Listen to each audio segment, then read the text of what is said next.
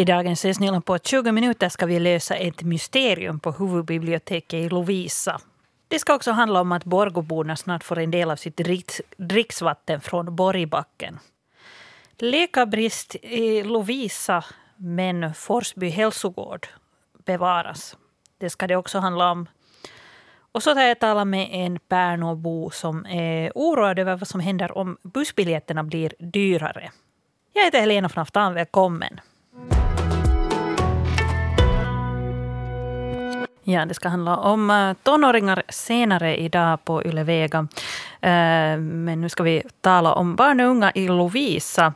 Igår fanns det ett mysterium att lösa på huvudbiblioteket i Lovisa. Där ordnades nämligen ett, ett escape room, det vill säga ett äventyrsspel för barn och unga. Så en escape room det är ju ofta ett sånt rum som man ska hitta ut ur, eller, ut ur eller något mysterium man ska lösa. De har ju varit väldigt populära. Det här är alltså ett äventyrsspel om man ska lösa olika gåtor för att ta ifrån sig ett, ut från ett låst rum. Heli Salminen, vi står här utanför eh, bibliotekets escape room och här är i full gång. Här är tre unga här och, och har just fått bort sina eh, handklovar, hittat nycklarna till dem. Berätta lite om det här escape roomet. Vad ska man göra här? Eh, det är sådant att vi har den där bibliotekarie, hon har försvunnit och vi tänker att de där barnen eller ungdomar, de har gjort någonting till henne. Och, eh, sen tänkte vi att, att vi ska läcka handböjer till dem och sen ska de vänta här på det där rummet att polisen ska komma från Borko. Men eh, de har ju den där 30 minuter, halvtimme att, att försöka veta vad har hänt i där bibliotekarien. Att, att de får veta och sen de ska säga att det var inte oss som gjorde någonting. Så på den där halvtimmen innan polisen hinner hit från Borgå så ska de lösa det här mysteriet så att de själva blir fria? Ja, just det. Här är då ett, ett rum och vi ser in här genom, genom fönstret i väggen och, och i dörren att här är, finns pusselbitar som de har börjat pussla med och en massa CD-skivor på ett bord och, och sen finns det tre bilder på väggen. Det är en ung fröken och sen en, en äldre farmor och sen är där Astrid Lindgren i, i mitten. Kan du ge något tips om, om vad man ska börja med när man går in här i rummet?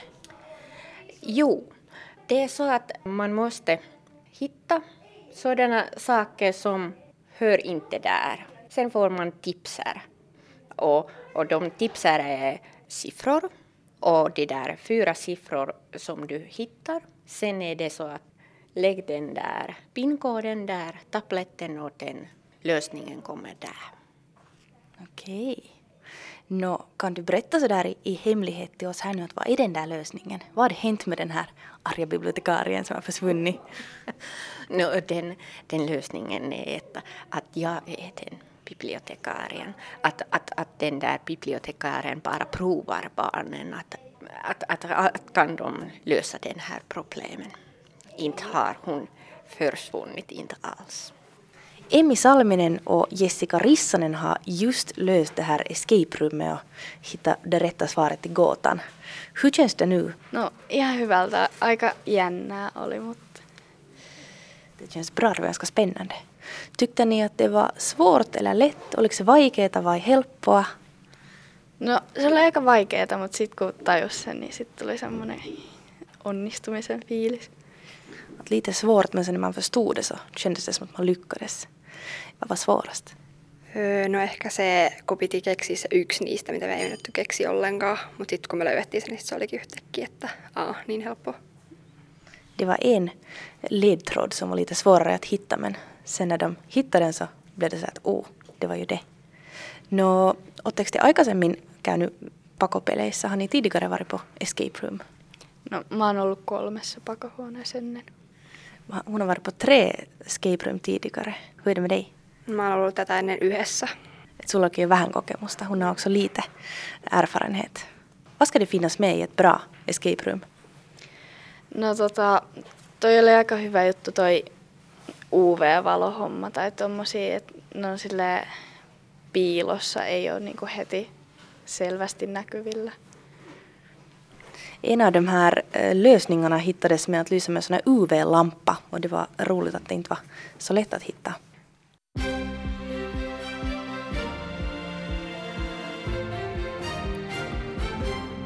Klockan är halv åtta, nu nyheterna från Östnyland med Stefan Härus. God morgon.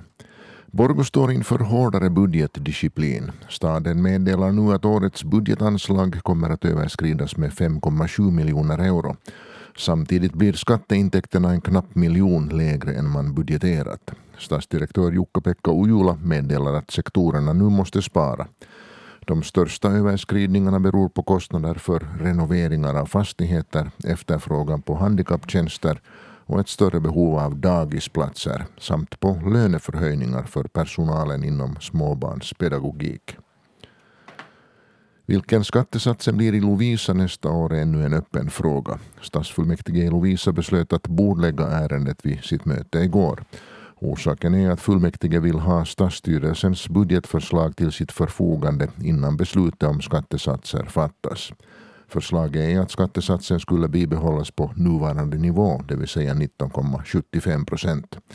Stadsfullmäktige tar ställning till frågan vid sitt följande möte den 13 november. Lovisa stad får köpa totalt 657 aktier i Kymmenedalens el av Askola kommun. Det här beslöt kommunstyrelsen i Askola vid sitt möte igår. Aktierna kostar 1351 euro per styck, det vill säga Lovisa stad ska betala totalt 887 000 euro för aktierna. Askola kommun ska fortsätta förhandla med olika kommuner om de 1804 återstående aktierna.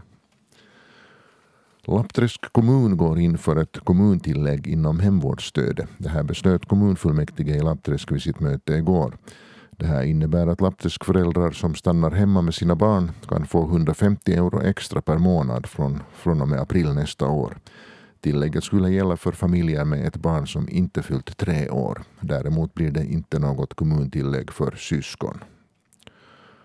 Så kan vi nu berätta att den nya rondellen och an anslutningsparkeringen i korsningen av Nickbyvägen och Mårtensbyvägen i Sibbo invigs idag.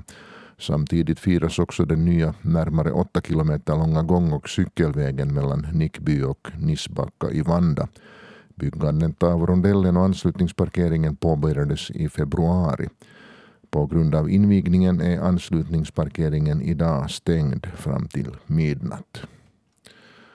Och i övriga nyheter här på kanalen den här morgonen hör vi bland annat om att det ikväll tänds eldar runt om i Finland för att rikta blickarna på de bostadslösas dilemma.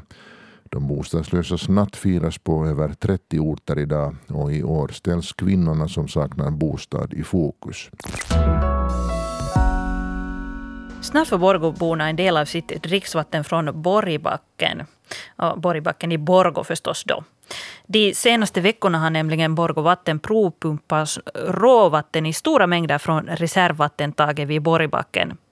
Provpumpningen vid Borgbacken är ett av de första stegen när eh, Borgå vatten lägger om vattenförsörjningsstrategin för staden de kommande åren. Och vår reporter Mikael Kokkola han har träffat Borgå vattens VD Elina Antila vid provpumpningsplatsen. Men det är sådana här rör som går dit till ån då? Eller? Ja, det ja. är sammanslagrör. Ja. ja, jag står här vid vattenverket vid Borgbacken det där huset som är lite sådär övermålat av ungdomar med ganska fina graffitin. Här nära det huset finns massor med rör som finns både äh, nedgrävda och, och lite här förvarade på gräsplan. Ganska stora vattenrör. Ja. Elina Antila, vad är det för operation som är på gång här? No, vi har nu just äh, börjat att prova pumpningar här i äh, Poribacken för att äh, få mera information om vattenkvalitet och äh, sådana saker för äh, utvidgningen av Saxbyanläggningen. Äh, vi har börjat att planera utvidgningen där i början av det här året. Så det ni gör här det är då att ni pumpar upp råvatten här från någonstans under Borgbacken för att undersöka kvaliteten på det här vattnet och det är ganska stora mängder som ni, ni pumpar fram, 20 till 80 kubikmeter i timmen. Ja, no, eh, normalt eh, brunnarna är också i bruk i sådana händelser när man kan inte använda eh, vattnet från Saxby eller Sannäs vart vi pumpar vattnet normalt. Men nu vi gör också testningar med, med små pilotanläggningen och testar hur membranteknik äh, fungerar exakt med vårt vattnet, råvattnet. Och det då putsar vattnet, gör det renare? Ja, och det är normalt att vi måste göra det i alla vattenverk. Och allt det här vattnet ni pumpar upp, det mesta, eller allt hamnar då i, i Borgå? Ja, tillbaka där. Nå, inte tillbaka, den kommer ut från äh, grundvatten och den, vi pumpar den till ån. Om några år ja, så drar ni sen rör härifrån då till Saxby vattenverken 4-5 kilometer norrut upp längs med ån här. Vad är det som gör att ni nu vill göra så här? No, för att äh, tryckas vattenanskaffningen här i Borgo Vi förstås behöver eh, mera vatten i framtiden.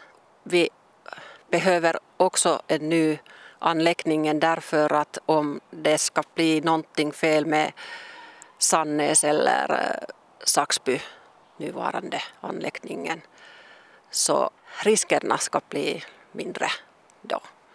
Mm, det är en stor investering då som Borgå Vatten planerar nu? Ja, ja visst det är äh, helhet den är ungefär 10 miljoner och det är den nya anläggningen Eh, eller den utvidgning och sen den råvattenrör från Borgbacken till, till Saxby. Ett hurdant projekt är det här för Borgå Vatten att eh, planera ett delvis nytt vattenverk och, och ja, få det att fungera? No, det är mycket viktigt och det är mycket intressant och sådana projekt äh, kommer inte ofta. Så det, och det är viktigt och det är också trevligt att, kan, att jag kan vara med med en sådan viktigt projekt för hela Borgå. Och nu håller ni här då på och provpumpar och analyserar vattnet. Hur länge kommer det att vara så här vid Borgbacken? Ungefär två månader och eh, efter det vi har ju mycket mera information för processplanering. Och vi ska tala om hälsostationer i Lovisa.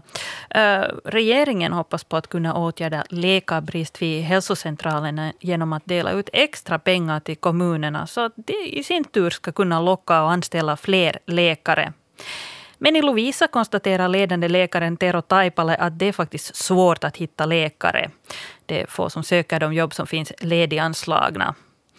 I Lovisa så har man nästan alla social och hälsovårdstjänster under samma tak där på huvudhälsostationen och har organiserat allt jobb eh, så pass bra att köerna redan har förkortats. Eh, men Tero Taipale anser att det skulle vara viktigare att läkarna får sköta diagnoser och behandling och slippa göra allsköns sekreterarjobb. Vi är alla under samma tak, alltså här finns eh, all mentalvård, all socialvård, och hälsovård och tandvård och alltihopa. Alltså inom, inom, inne i samma byggnad under samma tak och det underlättar nog att liksom få det här eh, mera rationaliserad vad gäller våra egna vårdkedjor. Och det har vi nog fått jobba hårt för att det har blivit som det är. Så det har inte kommit av sig själva. För att gå närmare in på personalläget, ni har ändå försökt få fler läkare hit, ni har ju två, det här, eh, två vakanser för tillfället, men äh, intresset har varit ganska lamt, eller hur? Ja, vi har två lediga tjänster just för tillfället och, och har det lediganslag i dem. Men nu har vi vikarier i de tjänster för det mesta. Men vi har nu försökt fastställa de där tjänsterna. Det har varit väldigt få sökande egentligen nu eh, sista gången vi, eh, vi, vi hade liksom en, en runda här så var det nog ingen som sökte, inte ens någon som frågade efter de här tjänsterna. Men så är läget i, inom hela, hela landet, så, så här brukar det vara. Regeringen tänker nu sig tydligen så att uh, om man då erbjuder dem bättre löner, bättre anställningsförhållanden vid hälsocentralerna så skulle det locka läkare att söka de här tjänsterna. Men vad tror du, kommer det fungera? Möjligtvis, jo, men man måste också samtidigt tänka att varifrån kommer de där läkarna? Inte finns det arbetslösa läkare någonstans, ingen överskott någonstans som man liksom bara tar i bruk, utan de kommer förmodligen med sina patienter hit. Så det kommer både patienter och läkare om det kommer någon. Till exempel från den privata sektorn. Mm. Att, jag tror själv, ni har ju mottagningar ännu i, i det där i Forsby och Lappträsk också, sådana här små mottagningar, men jag tror att ni kan hålla, hålla fast vid dem?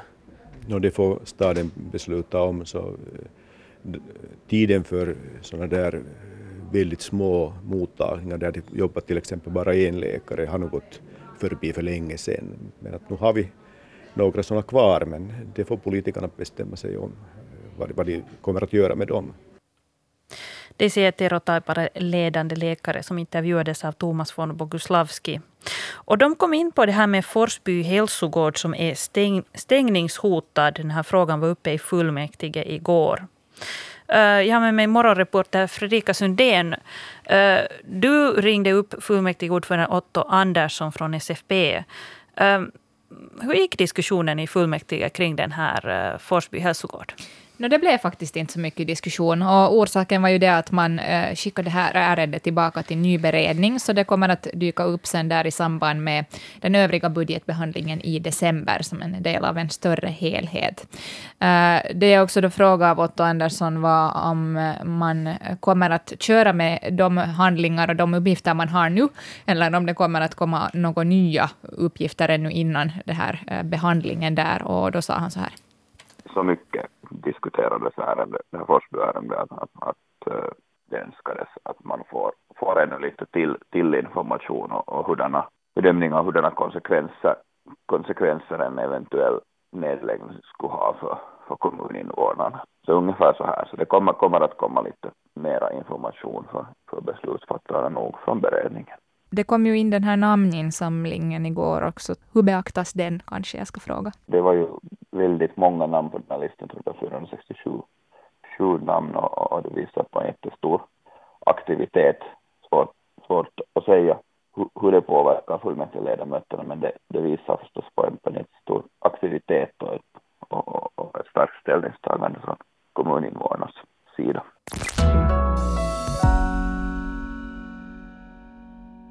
I Lovisa finns det nu faktiskt en, en eh, oro för att det kan bli ännu ett bakslag för de Lovisabor som åker kollektiv.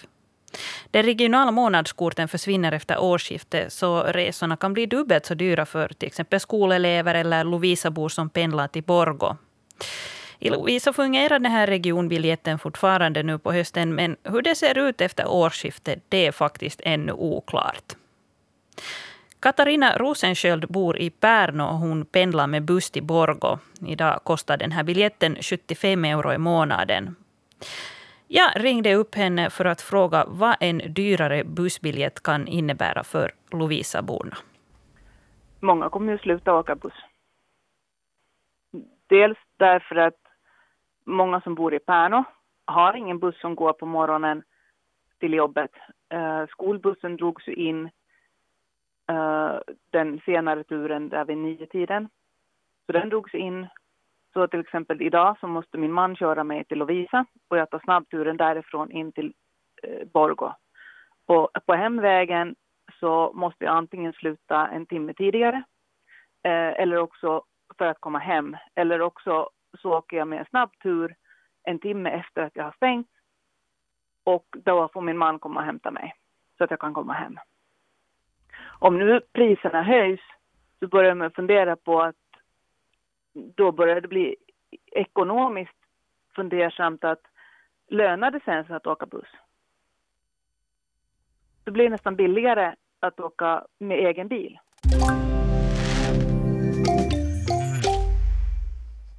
Lyssna på 20 minuter är en svensk Yle podcast. Jag heter Helene von Aftan.